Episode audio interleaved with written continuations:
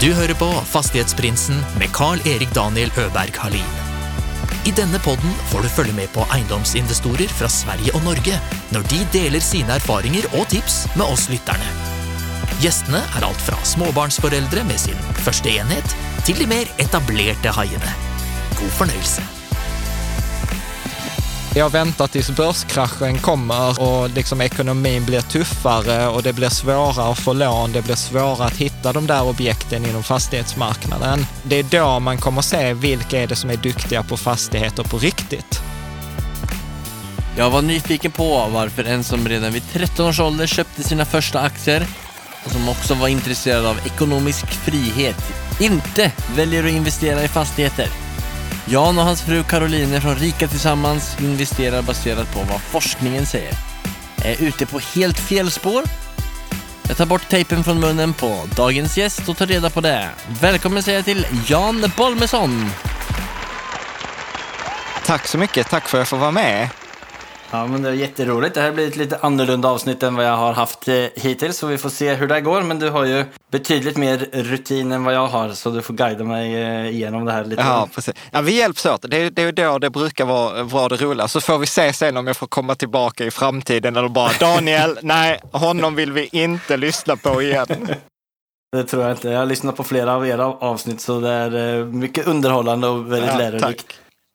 För de som inte vet vem ni och du är, kan inte du starta och introducera Ja, men dig lite? absolut. Alltså, jag, är, jag har precis fyllt 40 och jag brukar säga att min hemlighet, det var ju så att jag köpte mina första aktier när jag var 15 år gammal. Så det, det är 25, 25 år sedan nu. Och min karriär inom sparande och ekonomi, för jag hade liksom så här ekonomisk frihet eh, som mål väldigt, väldigt tidigt. Eh, och, och den har varit väldigt kringelkrokig. Att folk pratar ju ofta i denna världen om den här första miljonen. När tjänar du första miljonen? Jag kommer ihåg att min första miljon var en miljon back. Så att jag hade liksom helt hamnat av spår. Och någonstans där 2008, då hade jag typ förlorat 80 procent av mina pengar för andra gången. Första gången var 2001 i IT-bubblan. Eh, då, och, Okej. och då började jag på något sätt fundera, men vad är det jag inte har förstått? Och då 2008 där så började jag, eh, började jag Rika Tillsammans som en blogg eh, och sen då de senaste 10-12 åren har vi väl fokuserat mycket på hur kan man spara och investera enligt vad forskningen säger. Inte vad finansbranschen säger, inte vad massa säljare säger, utan vad är det som faktiskt fungerar?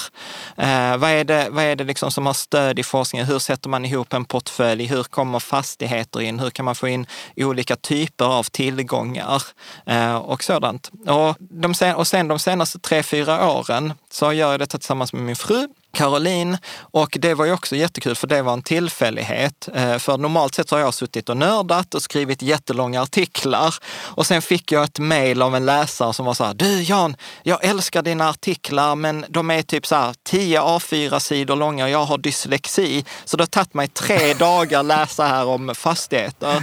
Kan du inte bara prata in avsnitten? Och då började vi prata in avsnitt och då tog jag in min fru eh, och så sa jag så här, kan du inte bara ställa frågorna? Men sen då, min fru hon är forskare, doktorerat, så hon kunde ju inte bara när jag sa så här, ja men det är inflation, hon där, vadå inflation? Vad har du för källor för det? Och började liksom vara skitstörig. Eh, men, men det visade sig att det var ju väldigt populärt. Så att, eh, Ja. så att nu har vi liksom Sveriges största blogg och podd om sparande och privatekonomi. För enligt forskningen. Ja, så lite längre introduktion. Ja, men det är ju jättekul. Det är ju härligt att få jobba tillsammans med sin fru, eh, kan jag tänka mig också. Nej, ja, absolut, det är fantastiskt jobba med. Och, och, och hemligheten, jag kanske ska droppa er. Det är så här, det har hänt att vi har fått stänga av, gå iväg och sen spela om avsnittet dagen efter. It has happened. Liksom. Ja, då, vill jag ha, då vill jag höra eh, vilket avsnitt det var som kan höra tendensen till uppbyggning. Ja, Precis. fantastiskt. Men du säger, du refererar till forskningen. i liksom ert sparande och ert investerande. Vad, vad menar du Ja, men jag det? tycker det är väldigt fascinerande att liksom, vi har forskningen som är väldigt tydlig som säger så här, så här bör du investera. Den säger då i stora drag, det går inte att förutsäga framtiden. Du vet inte vilka investeringar som kommer gå bättre än andra investeringar i framtiden. Så det bästa du kan göra är egentligen äga alla investeringar i hela världen, i alla länder, i alla storlekar. Typ äg allt. Äger du allt så kommer vissa saker gå bra, andra kommer gå dåligt. Men i helhet kommer det gå så som ekonomin går i världen. Medan om man sen lyssnar på finansbranschen så säger de så här, ja alltså ekonomiinvesterande är svårt, du kommer inte klara det själv, så lyssna på oss så kommer vi ta hand om dina pengar. Vad de inte berättar det när de tar hand om dina pengar, det är att de tar betalt oavsett vilket resultat de levererar. Och det hade vi ju aldrig nöjt oss i något annat område och vi hade inte accepterat att forskningen säger det och sen gör experterna annat. Alltså du vet, tänk att gå till en hjärtläkare och så säger så här, du det finns ett sätt hur man gör hjärtoperationer, men jag tror att jag vet ett bättre sätt så jag kommer göra på mitt sätt. Och så ser vi sen hur det går och jag kommer ta betalt oavsett om jag lyckas eller inte. Det hade inte varit okej, men i finansbranschen så accepterar vi det för vi tror att pengar och investerande, att det är något magiskt och att det är något svårt. Men på vilket sätt är det liksom finansbranschen eh, opererar mot, om man tar kontra forskningen, vad, kost- vad forskningen Ja, men säger? till exempel forskningen, om vi tar eh, aktier. Jag vet ju att du är ju duktig på fastigheter. Jag, jag är ju med, jag är inte så duktig, jag har så tummen mitt i handen, så jag fokuserar mycket mer på fonder och värdepapper. Och sen när det gäller aktier, då är forskningen väldigt tydlig så här. Försök inte tajma marknaden. Det går inte att säga om börsen är eh, liksom dyr eller högt värderat eller lågt värderat. Den säger väldigt tydligt, du kan inte göra en bättre analys än andra utan att liksom aktierna är rätt värderade. Men lyssnar du på liksom random fondpresentation så kommer de säga så här, "Äh, marknaden är högt värderad så att vi investerar i detta landet eller i denna branschen eller det här har gått bra på sistone, därför borde du ha det här. Och det finns det liksom inget stöd för. Det finns inget stöd för det där överhuvudtaget i forskningen. Så forskning är väldigt tydlig, är så här, time in market är mycket viktigare än timing the market. Det, det, där går ju redan många bort. Det säger så här, äg allt istället för att äga enskilda aktier. Och där är det också många som säger så här, ja, men detta företaget kan ha framtiden för sig. Och, och de säger liksom att ja, men detta beror på skicklighet, medan forskningen sen visar så här, ja, det berodde nog mest på tur. Liksom. Okej. Mm. Över ett längre tidsspann så är de som, ska man säga, försörjer sig på finansbranschen, Ja. eller i, som investerare, Ja. har de större tur. Är det det du säger? Ja, nej, jag, jag säger så här, alltså, om, om man skulle prata om det som en skala, så säger vi så här, att på ena änden av skalan så har vi typ eh, skicklighetsspel, alltså typ schack eller dam. Eh, liksom. Du och jag, om vi skulle spela mot en stormästare i schack, alltså vi kommer förlora varenda match för att vi är inte så duktiga i schack. För schack handlar väldigt lite om tur, väldigt mycket om skicklighet. Andra änden av skalan, då har du typ lotto. Alltså hur mycket du än tränar så blir du inte bättre på Lotto. är du med? Och, och tittar vi då till exempel på sparande i aktier så är det inte liksom bara skicklighet och det är inte bara tur, men där är ändå ganska mycket tur. Att du kan liksom investera rätt, men sen liksom händer någonting i USA eller någonting i Mellanöstern och sen så rasar liksom det i alla fall. Så att i, i aktiviteter som har både ett mått av skicklighet och ett mått av tur blir det väldigt svårt att utvärdera på kort sikt. För att jag kan ha satsat någonting, köpt någonting, ja, men köpte IT-aktier. Men jag vet inte om jag har tjänat pengar om det var för att jag hade tur Nej. eller för att jag var skicklig. Och de roligaste människorna i finansbranschen, det är de som alltid, när det har gått upp så var det skicklighet och när det går ner, då var det otur. liksom. Ja. ja, men det förstår jag. Som jag inledde med så, det här är ju en podcast om, eh, för att jag är väldigt intresserad av eh, egendom och fastigheter. Exakt. Jag intervjuar ju en massa intressanta folk som jag kan lära massor av och mina lyssnare kan lära massor av också. Och därför tänkte jag att det var fint och, och intressant att ta in en, en specialist inom eh, börsen, för det är ju väldigt hett om dagen upplever jag. Sen eh, pandemin eh, slog till så har ju det blivit en, folksport att hoppa på börsen nästan. Precis, precis. Nej, men jag, så här tänker jag, för jag har, ju, jag har ju varit och försökt lajva lite inom fastigheter och sen insåg jag så här, nej detta, detta funkade inte riktigt för mig. Men min grundtes är så här, det finns inte någon investering som är bättre än någon annan. Mm. Så att till exempel om vi i, i, Sverige, som jag kan ganska väl, så, om, tittar vi, så finns det vissa släkter som är väldigt rika, som har blivit rika på fastigheter. Och sen finns det andra släkter som har eh, blivit rika på aktier. Mm. Och tittar man över en lång period eh, så är avkastningen ungefär samma. För att om den ena tillgångslaget, om sen fastigheter vore mycket, mycket bättre avkastning än vad aktier vore, ja men då hade ju pengar flyttat sig från från aktier till fastigheter. Och när pengarna flyttar sig till fastigheter, då hade avkastningen på fastigheter sjunkit. Mm och vice, vice versa. Så att fastighet, så för mig är det inte liksom att fastigheter är bättre än, en aktie eller aktier bättre än fastigheter, utan det är bara liksom det är bara annorlunda. Mm. Och, och, min, min grundtes, som, är, som spelar liksom ingen roll vad man väljer att investera i, är att jag brukar säga så här, att investera i sådant som du, vars problem du kommer gilla. För mm. varje investering för med sig vissa problem. Alltså om jag investerar i en, fast, investerar i en fastighet, då kommer jag få vissa problem. Om jag investerar i aktier så kommer jag till exempel inte få problemet att jag kommer behöva managera hantverkare, jag kommer inte ha någon hyra hyresgäst som ringer till mig lördag kväll och säger att pannan eller det är ingen värme i elementen.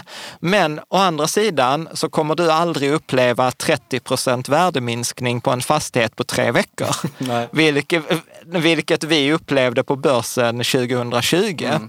Så att, eh, och, och sen har du liksom andra, till exempel med, med eh, belåning, att det är väldigt eh, inom situationstecken, missförstå mig rätt, mm. relativt lätt att få höga avkastningar på fastigheter för man kan ofta använda dem som, eh, som säkerhet för lån och du kan få hög avkastning eh, på, på det sättet. Mm. Å andra sidan upplever jag att det som är svårt för många med fastigheter är att tröskeln är hög. För att du behöver viss kunskap, du behöver kapital, du behöver liksom människor runt, runt om dig som är duktiga på olika saker. Du behöver förstå lagstiftning, hur hur, hur, eh, liksom, hur funkar det med en besittningsrätt? Hur kan man göra om någon inte sköter sig? Mm. Etc. Så att jag brukar eh, liksom inte vara så att det ena är liksom att, att eh, jag, jag är verkligen inte negativ till fastigheter, utan jag har bara sagt så här att jag personligen gillar inte den typen av problem mm. och, jag, och, och, och jag har liksom tummen mitt i handen och då blir jag så här, men då gör jag hellre det som jag gillar. Mm. Men, men, men jag har jättemycket kompisar som har mycket fastigheter och så att jag är ganska väl insatt i metodiken kring, kring fastigheter. Ja.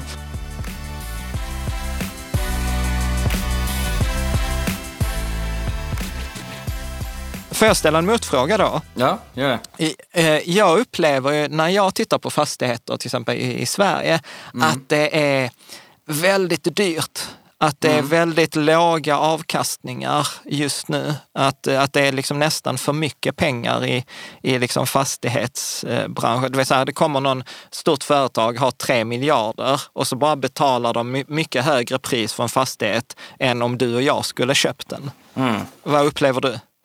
Jo, det är väl det som det diskuteras väldigt mycket om att det är eh, skyhöga priser eh, överallt eh, i Sverige och i Norge för den delen.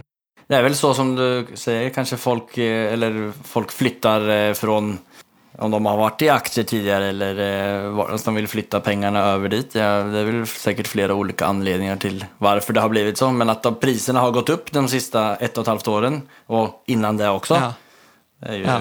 För, för, att jag, jag såg någon fastighet till exempel här i södra Sverige, i Malmö där jag bor. Och var så här, avkastningen var så här 1,2 procent. Alltså, och det var så här, ja. det är tufft det är tufft. De som jag har haft som gäster har ju haft väldigt olika strategier allesammans. Men de flesta har väl haft den här klassiska high yield, eh, bra cashflow som en del av sin, eh, och en stor del av sin satsning.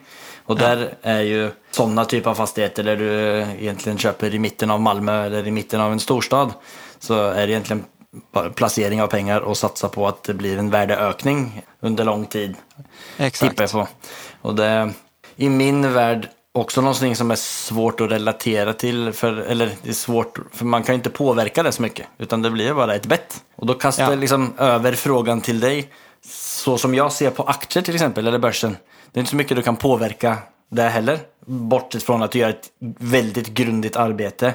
Ja, och, och, och vet vad jag skulle säga? Du får inte ens betalt för det grundliga arbetet. Utan, utan tricket är så här, jag brukar säga, köp en fondrobot eller köp en global indexfond. Då får du alla bolag i hela världen i alla storlekar. That's it. Alltså det grundliga förjobbet är fem minuter. Alltså på, på allvar. Mm. Och, och, det är det som jag kan tycka är rätt skönt, för då kan man ju lägga den där tiden på annat. Mm. Uh, och, och, och, det är det som är lite så här ointuitivt. För att om, om jag hittar på kring fastigheter så är det ju så här, ju mer jobb du gör, ju mer du lär dig, ju, ju mer du anstränger dig, desto bättre kommer det gå. Mm. Medans, medans aktier är ju så här, ju mindre du kan, ju mindre du anstränger dig, ju, ju mer passiv, ju mer ointresserad, ju mer lat du är, desto bättre kommer det gå.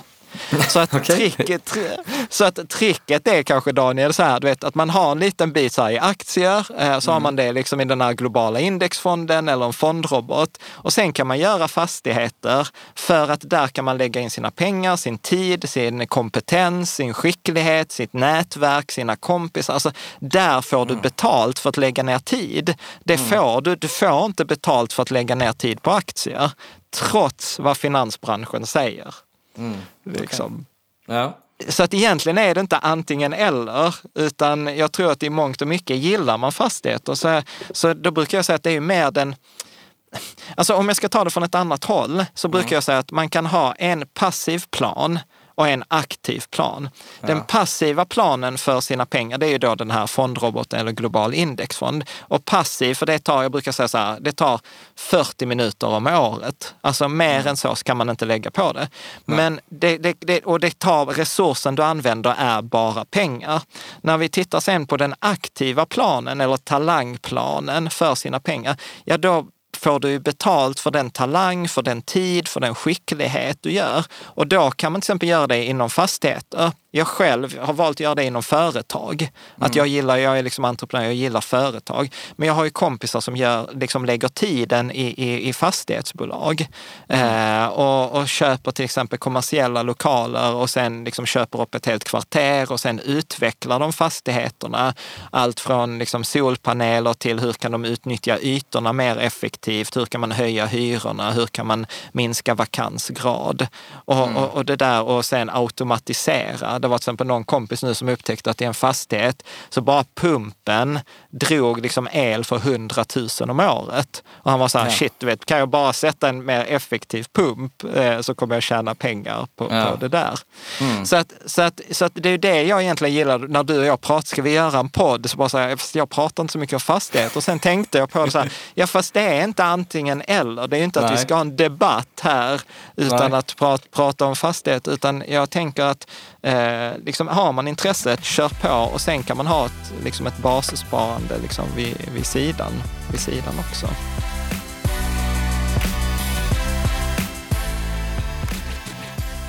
Ja, men jag gillar det där du sa där om eh, att man ska gilla problemen.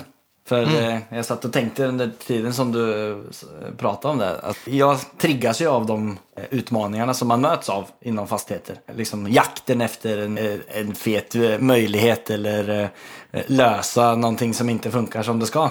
Det är någonting som... Exakt. det är konstigt men det liksom är kul. Och vet du vad? Där finns en, där finns en bok mm. som är jättebra som heter The Subtle Art of Not Giving a Fuck. Ja. Uh, The Subtle Art of Not Giving a Fuck. Och där är en mening, det är egentligen så det enda jag tog med mig från den boken. Och det var så här, lycka är att lösa problem man gillar att lösa. Mm. Lycka är att lösa problem man gillar att lösa. För ibland så tänker vi så här, bara, shit, det är bara så här, denna fastigheten eller de här aktierna, det är bara shitload of problem. Ja, fast vet vi människor, vi är problemlösa och hade vi inte haft problem att lösa så hade vi blivit uttråkade. Ja. Och då menar jag så här, då kan man ju lika gärna välja de problemen man vill lösa. Mm. Uh, och då är det så här, nej men jag gillar problemen med fastigheter. Och du vet precis som du säger, och det blir en jakt och det ger en skön känsla. Och jag är så här, Coolt, då är det ju rätt. Då är det ju rätt. Ja. Ja, men jag hade en, en, incident på jobbet när vi satt ett gäng och pratade om eh, några uppgifter och så var det en uppgift då, som jag verkligen inte tyck, tycker om personligen. Och så hade jag delegerat bort den till Ja. en annan och hade riktigt dåligt samvete om det och pratade om det. Och så sitter han där och bara, jag älskar att göra det. Okej. Man kan älska att göra det. Och då, då går går det upp för mig liksom, men hur olika man faktiskt är. Alltså att man verkligen ska ja jaga de sakerna som är kul. För det finns någon annan som Ja. tycker om att göra det som du tycker är skitjobb. Exakt, exakt. Och, och det är då det blir liksom också så här, jag, jag pratade med en kompis och så sa han så här, men Jan, alltså du gillar ju samla på nördar eller på unikum. Och jag är så här, ja det gör jag. För jag har så här, du vet, jag har människor, du vet, så här, du vet, de är grymma på så här bokföring. Och jag är så här, bokföring, det är det tråkigaste som finns. Men jag vet att ringer jag till henne, du vet så här, det kommer bli rätt, jag kommer få liksom sjukt bra tips. Eh, och, och, och då blir det ju så här att man bygger upp sitt lilla gäng, alltså sin lilla så här, eh, med, med experter. Och, och, och- det är ju helt magiskt. Och, och, och precis som du säger, för det var också en sån som bara, shit, de tycker att det där är kul. På riktigt! De inte bara säger det, det är på riktigt. Ja, men det är så jäkla bra. Du var inne lite på det tidigare, det här med bevägelsen som jag upplever det som eh, har växt fram. Det är såna här finfluencers kallas det i Norge. Jag vet inte om det kanske gör det i Sverige också. Självutnämnda Instagramkonton eller experter som eh, tipsar och eh, flashar med hur mycket det gick upp och ner Ja. idag. Tycker du om det? så här, där, där finns en författare som jag gillar som heter Nassim Taleb. Och han har skrivit om någonting som kallas för the Lindy-effekt, eller Lindy-effekten. Och det kommer från New York, eh, att det finns ett fik på Broadway som heter Lindys. Och då satt alltid för eh, liksom så skådespelare och satt på då Lindys och tittade på Broadway. Och då var tesen att en pjäs på Broadway som har gått i 30 år, den kommer gå i 30 år till. Alltså en pjäs som bara gått en vecka kommer förmodligen också bara gå en vecka. Så tesen är att ju äldre någonting är, ju, äldre, ju längre något har bevisat sitt värde, alltså du vet så här, eh, du vet så här ordspråk vi har sedan grekernas tid, ja men det kommer vara relevant om flera hundra år. Och, och, och där tänker jag så här att pratar de saker som är aktuella liksom en vecka, ja då blir det bara aktuellt en vecka. Medan jag tänker ju så här att investera, oavsett om det är fastigheter eller om det är aktier, så är det, det är ett maraton. Det är inte någonting, det är inte en sprint. Så att, eh, jag tänker om vi tittar på börsen, och jag gissar att det har varit så i fastigheter också, alltså det har ju inte varit svårt att vara expert de senaste tio åren. Alltså vad du än har köpt har ju gått upp. Så att i- Warren Buffett, eh, en sån här känd investerare, brukar ju säga det är ju när vattnet försvinner, vattnet drar sig tillbaka som man ser vem som har simmat naken.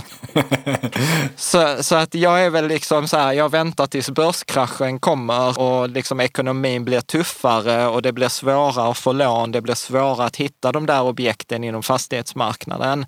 Det, det är då man kommer se vilka är det som är duktiga på fastigheter på riktigt. Alltså när, liksom, när räntorna är låga och vem som helst kan få lån, ja men då är det ju inte så svårt. Utan tricket är att, att vara med i nedgången och sen de som är coolast, det är ju de som rycker i nedgången. Alltså som liksom att när det är som svårast som utvecklar sin verksamhet. Eh, så, att, så att för mig är det så här, jag har inte så mycket åsikt, jag hänger inte så mycket på Instagram för jag blir bara förbannad.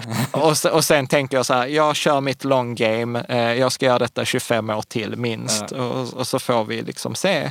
Och sen tänker jag generellt, allt som ökar sparintresset, eh, oavsett om det är fastigheter eller aktier, tycker jag är bra. För att jag upplever att det har varit så mycket tabu kring att prata om pengar eller prata om att man investerar eller prata om, alltså jag som jag har kompisar som säger att ja, men jag bor gratis. För då blir det så här, oj, kan man göra det? Eller som jag har en annan kompis som brukar säga så här, men när jag åker på semester så är mitt mål alltid att komma hem rikare än, än när jag åkte. Och du vet, och det blir så här, "Eh, va? Kan? Kan, man, kan man tänka så? Och så blir det liksom så här, wow, tänk att det finns människor som tänker helt annorlunda. Ja, jag tänker så.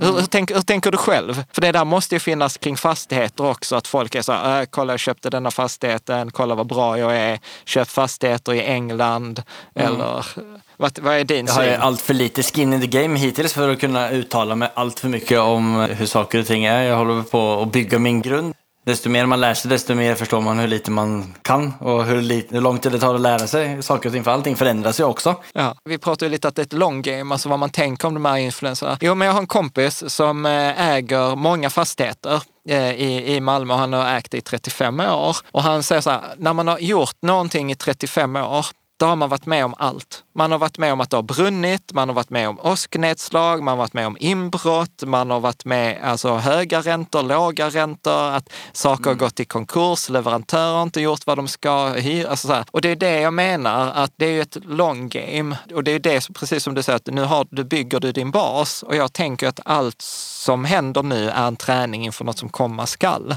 Så att jag tror att det är, det är träningen som är det viktiga. Ja, men, och, och det är jag helt enig om. Och det, det är ju liksom en sån här, jag vet inte, det har väl alltid varit en sån get rich quick möjligheter överallt. Jag vet inte om det är det det är, men den här FIRE-bevägelsen. Det är väl någonting, jag vet inte om det är väl kanske inte att man ska bli rik fort, men det är mycket sånt som det pratas om i alla fall. På det sättet som du pratar om att investera. Så låter inte det som någonting som du kan förvänta dig bli rik inom en eh, väldigt snabb framtid? Nej, och jag tror ju inte, alltså så här, jag har ju testat alla de där Get Rich Quick. Det var ju det där jag testade mellan 2000 och 2008 när jag förlorade alla mina pengar.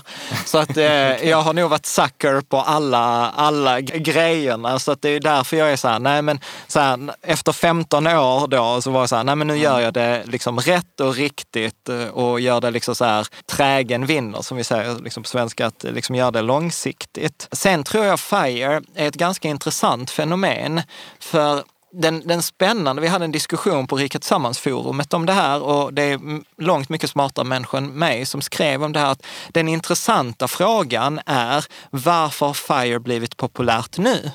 Alltså varför har FIRE blivit populärt de senaste 5, 6, 10 åren? Och jag tror att det är, eftersom det är mycket yngre människor. Det finns äldre som är intresserade av FIRE också, som är 55 och vill gå i pension när de är 60-ish. Men om vi pratar om de yngre målgruppen, alltså typ 20, 30, 35, 40-åringar, så tror jag att den här FIRE-rörelsen, bevägelsen, är en reaktion på att det har blivit svårare att vara ung. Det är dyrare att skaffa sig sin första bostad. Det är svårare att få ett fast jobb. Vi har hela gigekonomin. Vi pratar om att pensionsåldern måste höjas. Och då tror jag att, att många tänker så här, shit, alltså livet där ute är tufft. Alltså, och om, liksom, hur ska jag överleva? Hur ska jag liksom kunna ha barn? I den här och klimathotet och allt det här.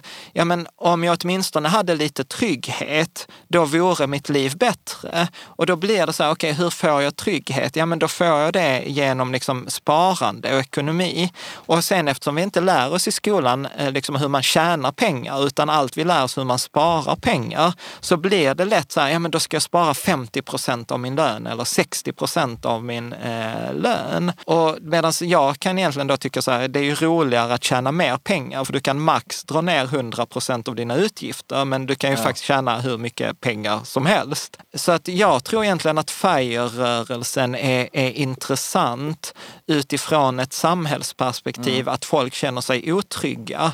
Eh, att man har växt upp med IT-bubblan, man har växt upp med finanskrisen, det är svårt att få, få jobb. Jag vet inte, det, det är en sån här spekulation jag har fått på, på, liksom på, på sistone. Vad, vad tror du? Känner du igen det där bland dina lyssnare och kompisar, att man tycker att det är tuffare och att man vill egentligen bara ha en ekonomisk trygghet? Jag upplever att de som är runt 20 och yngre ser på eller världen på ett väldigt annorlunda sätt än vad kanske jag som är 34 och de som är 45 och 60. Alla ser ju på världen på ett helt annat sätt och man mm.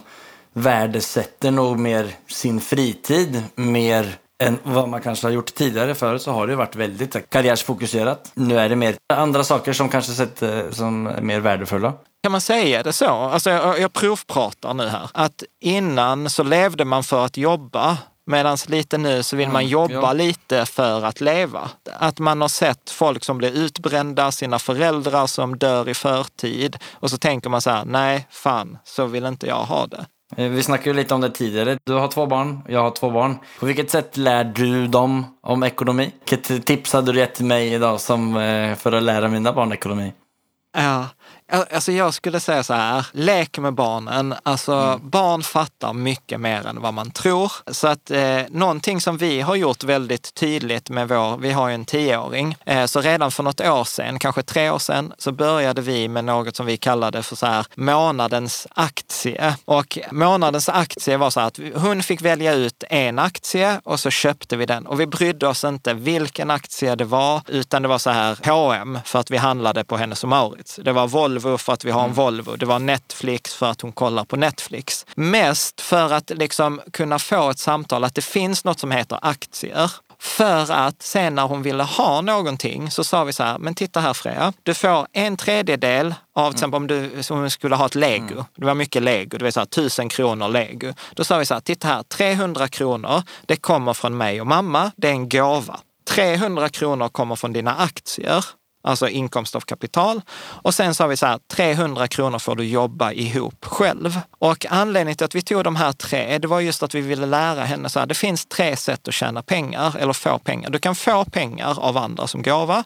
Du kan tjäna pengar genom att jobba, byta din tid mot pengar och dina pengar kan tjäna pengar. Sen har vi inte brytt oss om utdelningar, ränta på ränta eller ens, vi har till och med ljugit ibland att sagt att pengarna kommer från dina aktier. Men, men hon har liksom vetat att det finns aktier och aktier tjänar pengar och lägger hon in pengar så får hon mer pengar. Och verkligen inga långa samtal utan så här två, tre minuter för sen pallar de inte mer. Och Länge var jag så här, nej men alltså det där är nog mest min grej, hon tycker inte det där är så kul. Men sen så fick vi ett mejl från läraren att de hade haft här skolpjäs i, eh, på, i skolan och där de hade gjort en pjäs, teater, hur samhället fungerar. Och då hade tydligen Freja räckt upp handen och sagt så här, alltså jag vill vara aktieägaren som de andra arbetar åt. Och då var jag ändå bara, mm, och sen i hemlighet gjorde jag som bara happy dance att obviously hade det fastnat. Och, jag- och jag tänker att bara den insikten att det finns andra sätt att tjäna pengar än bara att byta sin tid mot pengar tror jag är i liksom guld värd för resten av livet. Ja, nej, men det var ett väldigt bra tips. Alltså, jag har ju läst många sådana här klassiska eh, böcker, Rich Dad Poor Dad, alla i den kategorin. Första gången som jag läste den var 10-15 år sedan. Då förstod jag den nog inte, eller var inte mottaglig Ja. för den på samma sätt som jag var för fem år sedan. Då. Även om jag har haft många planer och tankar om hur, man ska, hur jag ska komma framåt då, i den ekonomiska världen så har jag i största graden bara bytt min tid mot pengar. Exakt, och jag, brukar, jag, jag rekommenderar alltid eh, två böcker eh, till folk. Rich Dad Poor Dad, alltså läsa den av Robert Kiyosaki. Jag brukar säga man ser aldrig på ekonomi på samma sätt. Sen är det precis som du säger, den där boken behöver man ju läsa om vart femte år. För att man fattar nya grejer i den där boken. Nej, och sen en annan grej som vi också försöker, som vi märker att vi gör lite annorlunda mot andra, det är ju att normalt sett så ger man barnen betalt för ja, men antingen liksom en uppgift eller tid. Och det intressanta då är ju att då är deras incitament att göra det på så kort tid som möjligt. För att då får man ju betalt för då blir uppgift för. Medan vårt incitament som betalar är att vi vill ha uppgiften så välgjord som möjligt. Så att där har vi faktiskt börjat ge betalt när hon upptäcker problem som inte vi har tänkt. Alltså så här, för det tänkte jag var ett tips vi fick från en kompis. För han sa så här, men som entreprenör eller företagare så är ju tricket att upptäcka problem som andra har och sen leverera lösningen. Ja. Och då brukar, vi, då brukar vi säga så att så då får hon dubbelt betalt. Hittar du problemet och löser problemet så får man dubbelt Ja. betalt. Ja, det var grymt. Ja, så att det är sånt litet tips vi fick av en kompis, Filip. Ja. Och han är ju rolig, du vet när han pratar, han är ju mer extrem än vi. Han är bara så här, alltså mina döttrar, alltså de kan få starta vilket företag de vill. Det är hans kommentar. Det här, Inget jobb, de, de får starta vilket företag de vill. Eh, ja, så jag tror att man ska leka med. Ja. Jag tror man ska ha roligt med barnen eh, och sen verkligen, de fattar mer än man tror. Mm. Superbra, tack för det. Det är ett lite annorlunda program idag. Jag har ju några fasta segment. Så jag tänkte pröva på och hoppa vidare till vårt nästa segment som heter Affärsanalysen. I vanliga fall så går det ut på att gästen ska berätta, eller gå igenom en genomförd affär på. Vilken typ av fastighet det var och vart den var och hur såg ekonomin ut och så vidare. Men så tänkte jag, du hade ju en period i ditt liv där du hade testat ganska mycket som inte gick så bra. Kan inte du Ja. dela med dig lite om några av dina test eh, som inte gick så bra?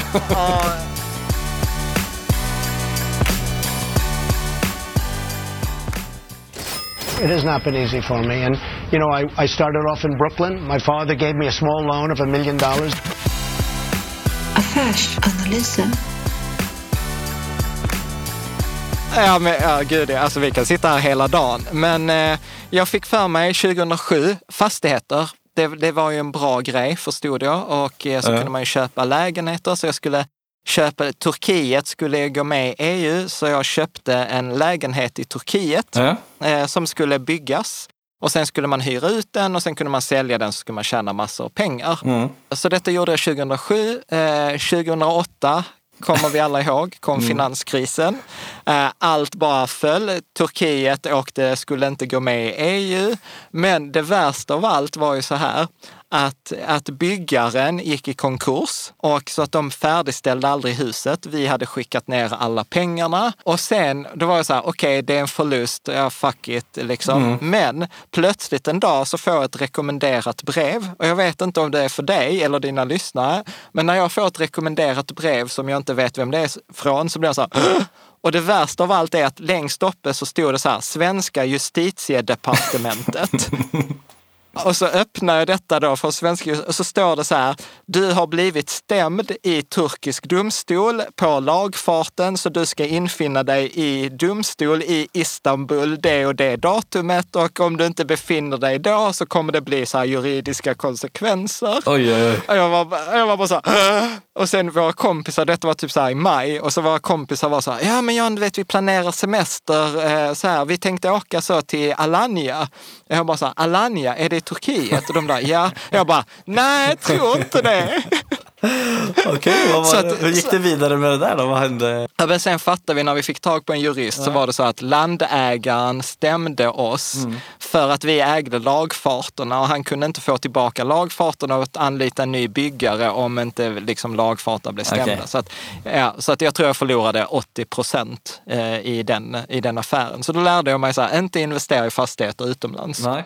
En annan sån här eh, liksom historia, eh, investerade, kom, eh, kom, jag var på någon sån här föreläsning och så var det en person som berättade så här, ja men du vet utanför Sydamerikas kust, du vet så här på 1500-talet, eh, du vet när spanjorerna och portugiserna åkte dit så hittade de massa skatter och båtarna var inte så himla bra så de sjönk så där finns en massa så här båtar utanför Sydamerikas kust med guldskatter. Och vi har utvecklat så här ny teknik för hur vi kan dyka och hämta upp de här guldskatterna. Och så att jag bara, ja det är skitbra idé. Och de där, ja titta vi har dykt och då hittat vi det här guldmyntet och så visar de ett guldmynt som man kunde ta på från 1500-talet från Inka-grejer. Ja, så jag investerade i ett företag som skulle sjunk, eh, bärga sjunkna skepp utanför Sydamerikas kust. Ja, du hör ju hur det låter. Sen, sen var det allt från bankcertifikat till eh, ja, massa, massa olika grejer. Det, det är bra historia i efterhand. Ja, nej, men det låter ju som att du ändå har varit på den andra sidan av skalan och velat på Get Rich Quick. Du, jag har testat varenda grej i Get Rich Quick-boken. Jag har varit daytrader, jag har köpt eh, högriskaktier, jag har, ja, men jag har gjort liksom det mesta. Undrar vilken kategori det företaget som letar skatter utanför Sydafrika hade hamnat på en sån här eh, ratingskala av företag i aktier. Precis. Men vet du vad? Eh, Och det, det, jag gillar det, för jag var, jag var en gång och hjälpte en kompis som är fotograf och så fotograferade han ett gäng killar eh, och så hade de såna eh, liksom eh, broschyrer eller affischer. Och så hade de en affisch som var så här, someday this will be just another story. Och jag gillar det jättemycket, att vet, så här, man måste testa alla de här grejerna. Nu kan jag garva åt det och skratta åt det. Och framför allt med gott samvete, när alla sådana här, du vet, bitcoin eller köpte där, så kan jag vara så här, been there, done that, got the t-shirt, jag köper min indexfond. Den är skittråkig, eh, men den kommer ta mig i mål, den kommer inte förlora 100 procent, jag kommer inte bli stämd i turkisk domstol. Det är liksom så här nice and easy. Ja. Ja. ja, men det är bra. Man sover gott om natten med det. Ja, exakt, exakt. Då hoppar vi vidare till vårt nästa och sista segment som heter Fyra frågor. Aj, aj, aj.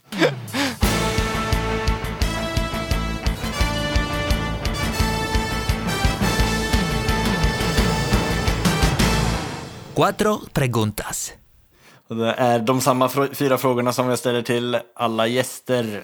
Ja. Vad är det som skiljer en framgångsrik entreprenör mot de som inte lyckas, slutar eller aldrig kommer igång? Att eh, de som inte lyckas eh, tror jag har hittat på att ensam är stark, själv är bäste dräng, eh, och man är karl för sin hatt. Alla sådana dumma grejer vi har i svenska liksom, språket. Jag tror att ingen människa har blivit framgångsrik på egen hand, utan att man måste ta hjälp. Och lite som vi pratade om i början, det finns människor som älskar att göra det du hatar. Och då är liksom tricket är så här att om jag, om jag gillar dans och jag inte är bra på matte, så i Sverige har vi hittat på så här att då ska du göra mindre dans och mer matte så att du är dålig på dans och dålig på matte.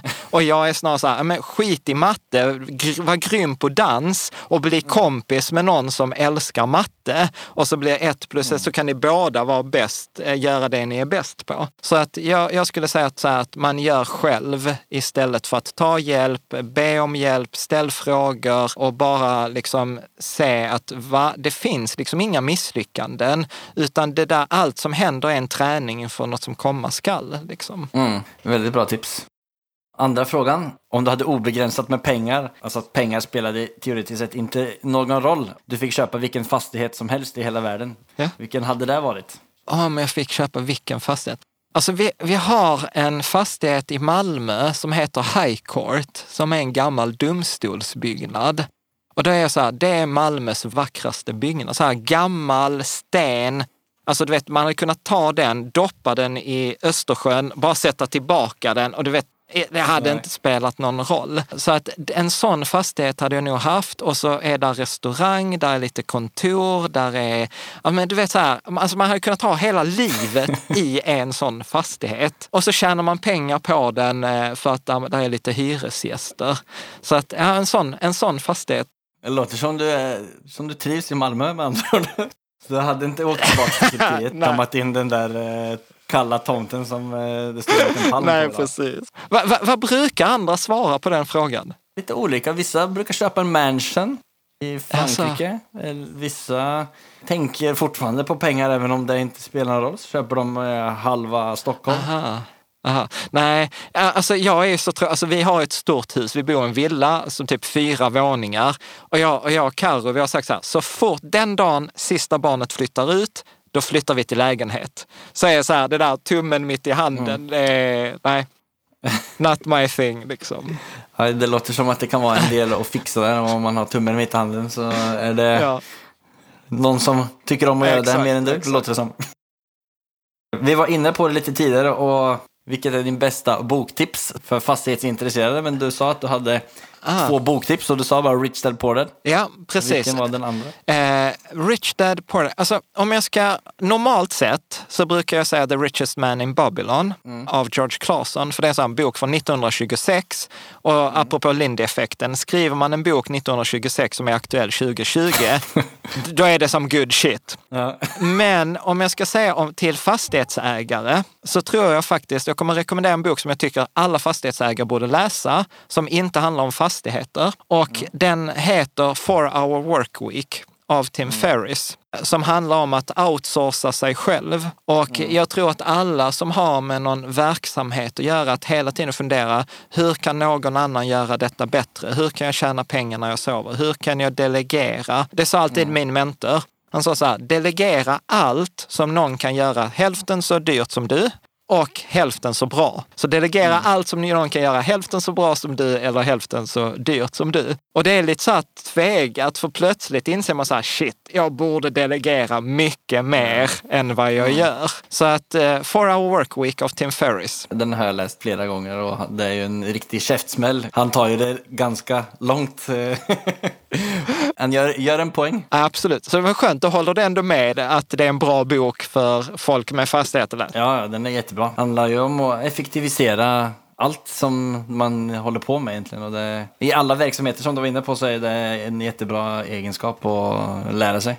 Nu har vi sparat den bästa till sist. Nu får vi se hur det går då. Nämn det mest storartade och roliga eller minnesvärda sättet du har firat en genomförd affär på. Nej, men jag är, tyvärr så är alltså att fira är något jag tränar på. Jag är inte så duktig på det. Men en grej som vi gör är ju att vi har ju alltid en flaska champagne liggande i kylskåpet. Så att vi försöker liksom att mer fira i det lilla. Och eh, sen Sen måste jag ändå säga så här, apropå då, då fira, vi har börjat investera i vin. Oj. Det är väl en sådär udda grej. Om det inte är sjunkna skepp med guld utanför Sydamerika Ja. så investera i vin. Så att det där har nog varit en sån där grej att vi har investerat lite i vin och då är tanken så här, behöver vi pengar om 20 år, då, då säljer vi dem och tjänar pengar. Behöver vi inte pengar om 20 år, då dricker vi win-win oavsett. Så, Ja, det var så bra. Men är det, köper ni då dyra vinflaskor liksom, eller köper ni, har ni investerat i någon producent? nej, utan, nej, utan då finns det, det finns liksom så aktörer som hjälper en att liksom köpa till exempel champagner.